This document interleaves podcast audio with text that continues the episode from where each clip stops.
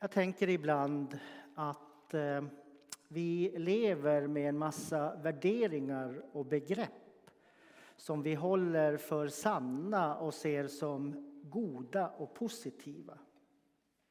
Jag tänker på rättvisa, demokrati, jämlikhet och för att inte tala om frihet. Det är liksom en sån här samhällelig ett storord, frihet. Men sällan funderar vi på vad är frihet egentligen?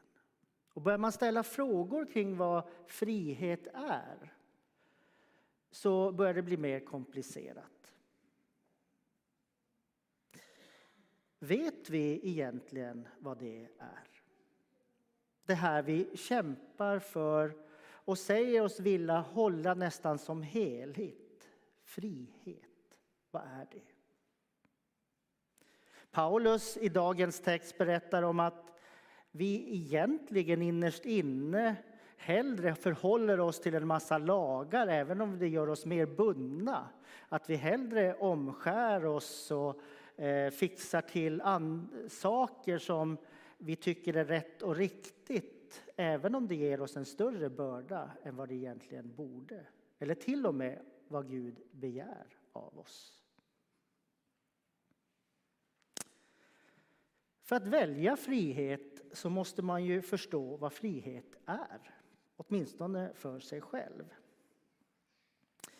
Robert Kraus säger att frihet, det är, eller, eh, det, det, det den onde eller djävulen mest vill av allt, det är att vi ska känna oss sämre än vad vi är. Det är ju en motsats till frihet. I det finns en definition av frihet. Det vill säga, frihet är att inte vara i sammanhang eller se på sig själv på ett förminskande sätt. William Kavanaugh, amerikansk teolog, han säger att ibland så är frihet någonting nästan gränslöst och det leder till bottenlös ensamhet. Det vill säga samhälle och människor och majoriteten av oss går med en föreställning om att frihet är att få välja själv. Sig själv och sitt liv och det är ju helt sant. Samtidigt så blir ibland betoningen på själv mer än frihet och då kan det leda till ensamhet. För ingen av oss mäktar med de stora valen ensam. Det är det många unga människor idag känner. Hur väljer man fritt i en värld som ser ut som den gör?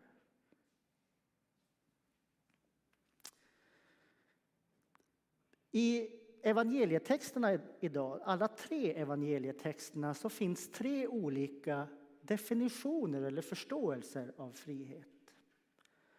I årgång texten 1 så Eh, botar Jesus en blind man och så säger han Effata, öppna dig. Och den här mannen han ser plötsligt. Och då är det inte ett biologiskt seende i den texten som är det viktiga utan plötsligt att den här mannen ser nytt. Han ser på världen, sig själv, på ett nytt sätt. Och i det finns det frihet. Så finns det en text om den krokryggiga kvinnan som just handlar kanske om det som Kraus pratar om, att räta på sig. Att inte liksom förminska sig själv. Det är en annan typ av frihet. Och så har vi dagens text som ju är jättespännande på många sätt, som handlar om en slags yttre frihet, en social frihet. Det vill säga lärjungarna för att bli fria måste gå över en gräns. De, eh, måste, de plockar sabba, eller, eh, ax på sabbaten, vilket gör en yttre regel och en yttre samhällelig och religiös lag vid den här tiden. Och jag kan tänka mig, jag vet inte om ni har varit i en sån situation någon gång, eh, nu för tiden kallar man det för en tipping point. Det vill säga när man går över gränsen. Och det är precis vad lärjungarna måste ha gjort här. Det vill säga, de börjar plocka ax på sabbaten. Alla de här lärjungarna måste ju veta att nu gör vi fel enligt fariseerna och lagen. Och så går de över den där gränsen. Och så kommer naturligtvis överstepräster och fariseer och säger att, till Jesus då, att de gör fel. Och så börjar Jesus försvara dem och deras handlande. Det vill säga, när de går över gränsen så visar det sig plötsligt att den som har auktoritet här stöttar dem. Har ni varit med om det någon gång? När man känner att nu måste jag göra något av inre övertygelse. Jag vet att det här kan kännas helt fel i den rådande omgivningen. Och så gör man det där. Man tar liksom steget ut och så är det någon som stöttar en. Och då inträder en slags frihet.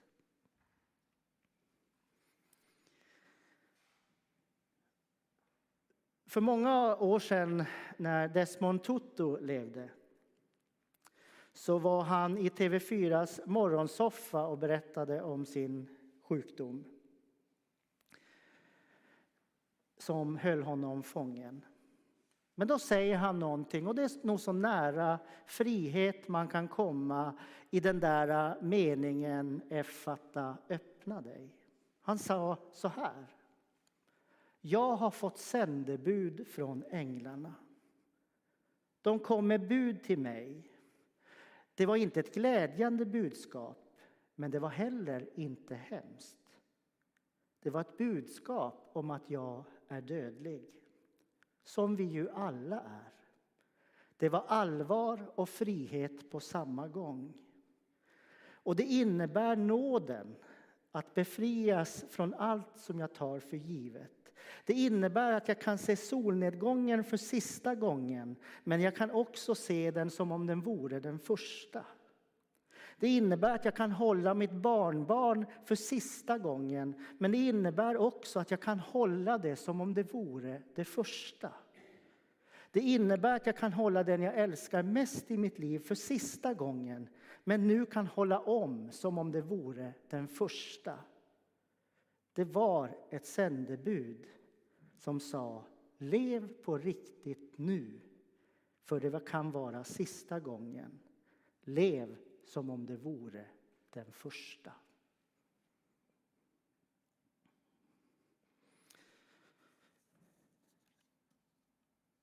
Filosofen Jean-Paul Sartre säger vi är dömda till frihet.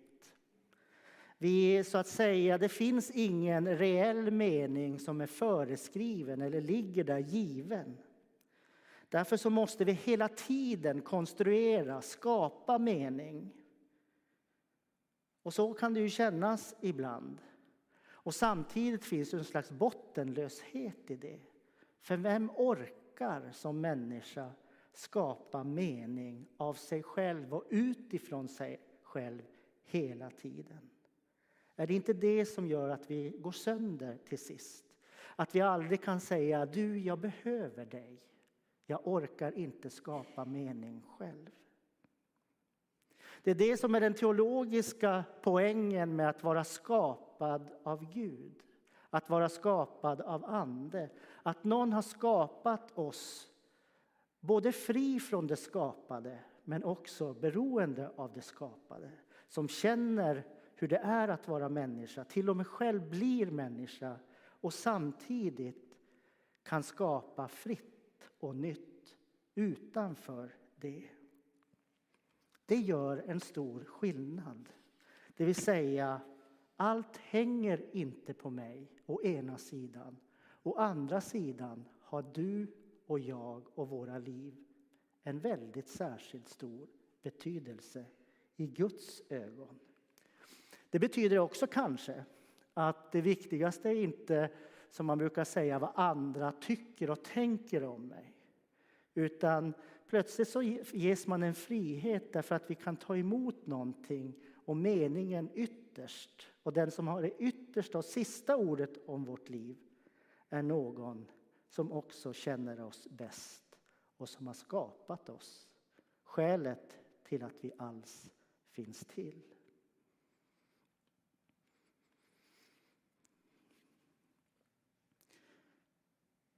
Det finns många exempel, tänker jag, på frihet.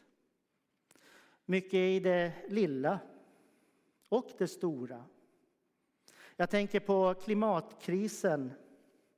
För eh, den fortsätter och för ett år sedan, jag vet inte om du minns det, så såg man hela Gävle läggas under vatten på fyra timmar. Fyra timmar. Förstår vi hur lite som krävs för att hela vår värld ska läggas under vatten? En kvinna sa, sa i en intervju, hon tittade på himlen och så konstaterade hon det var som om himlen var förbannad. Då är det lätt att tänka att nu sluter jag mig. Nu överlever jag så mycket jag bara kan här. Jag åker på ännu fler solresor, jag gör ännu mer saker som jag kan komma på innan allt är över. Men blir jag verkligen fri av det? Kommer inte ändå den där stora frågan vara att det där som händer nu, det är någonting annat som lurar, som ger mig möjlighet att verkligen få mening i mitt liv? Skulle inte en rörelse kunna vara att det är nu jag inser hur mycket jag behöver min granne? Hur mycket jag inser att jag behöver min församling. Hur mycket jag behöver den här personen som jag aldrig har pratat med. Hur mycket vi behöver varandra för att bli fria. Kan det vara liksom det som den här situationen gör med oss? Att det ger oss möjlighet till större frihet. Att verkligen plocka ax på sabbaten. Att gå över den där tipping pointen till min nästa och säga jag behöver dig. Kan det vara att plocka ax på sabbaten? Ni vet också det här som säkert många av oss kan leva i perioder. Två människor som har blivit så vana vid varandra och lärt sig vad allting känsligt är, så då rör man inte vid det, utan man sköter sin syssla eh, och lägger sig bara inte i någonting som ligger in, utanför den andras ruta.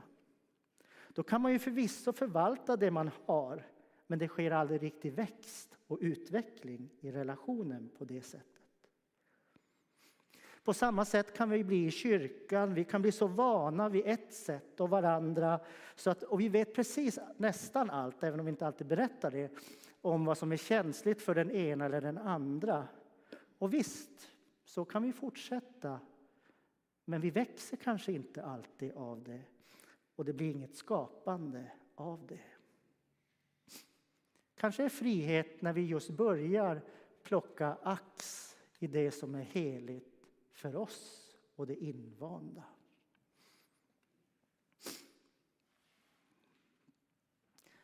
Jag tänker att någonting behöver öppnas för oss och att det är någonting liksom, vi behöver något slags språk för det här nya och de här nya förutsättningarna för frihet. För det är precis det som är kontexten för Jesus. Han inser ju att när han träffar lärjungarna och börjar den här resan, då är hela den resan att visa att i den här kontexten av lagar och regler, sabbatsregler, omskärelseregler och lagar och allt det där fariséerna lägger på er, så behöver jag hitta ett språk för er att finna en ny frihet. Jag kan inte bara säga gå emot lagarna, säg att de är fel, utan ni måste få ett språk som tar er ur de här lagarna och reglerna. Ett språk för en ny livsstil. Det som man kallar för emancipation. Det vill säga, jag behöver någonting för att kunna skapa den tillvaro och verklighet som gör att jag kan befrias från en fångenskap. Och ibland kan det vara ett ord. Låt mig ta ett exempel. Ni vet Helen Keller. Anne O'Sullivan, hon som var lär, lärarinna till den kända författaren Helen Keller. Hon kallas ibland för världens åttonde underverk. Denna fantastiska författarinna som var blind, döv och stum vid sju års ålder. Men Anne O'Sullivan, den här lärarinnan, hon gav inte upp. Men trots, trots liksom Helen Kellers ordlösa mörka cell utan ord så såg Anne Sullivan att hennes fysik var strålande men att hon liksom inte hade ett språk för sin tillvaro. Och hon försökte, den här lärarinnan, gång på gång på gång liksom öppna den där världen men kunde liksom inte komma fram tills hon kom på följande. Hon tog med Helen Keller ut ni vet, till en sån här vattenpump. Och så sa hon till Helen, sju år, håll handen under, liksom, förde handen under pumpen och så började hon pumpa vatten tills vattnet streamar i handen. Och så tog hon den andra handen och så tecknar hon water.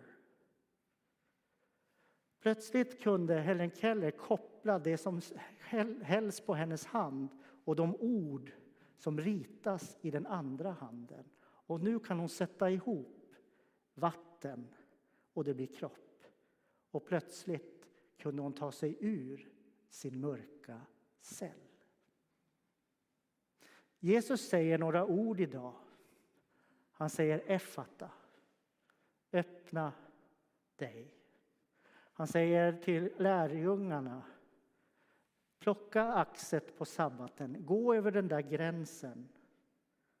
Och han rätar den krokryggiga kvinnans rygg. Amen.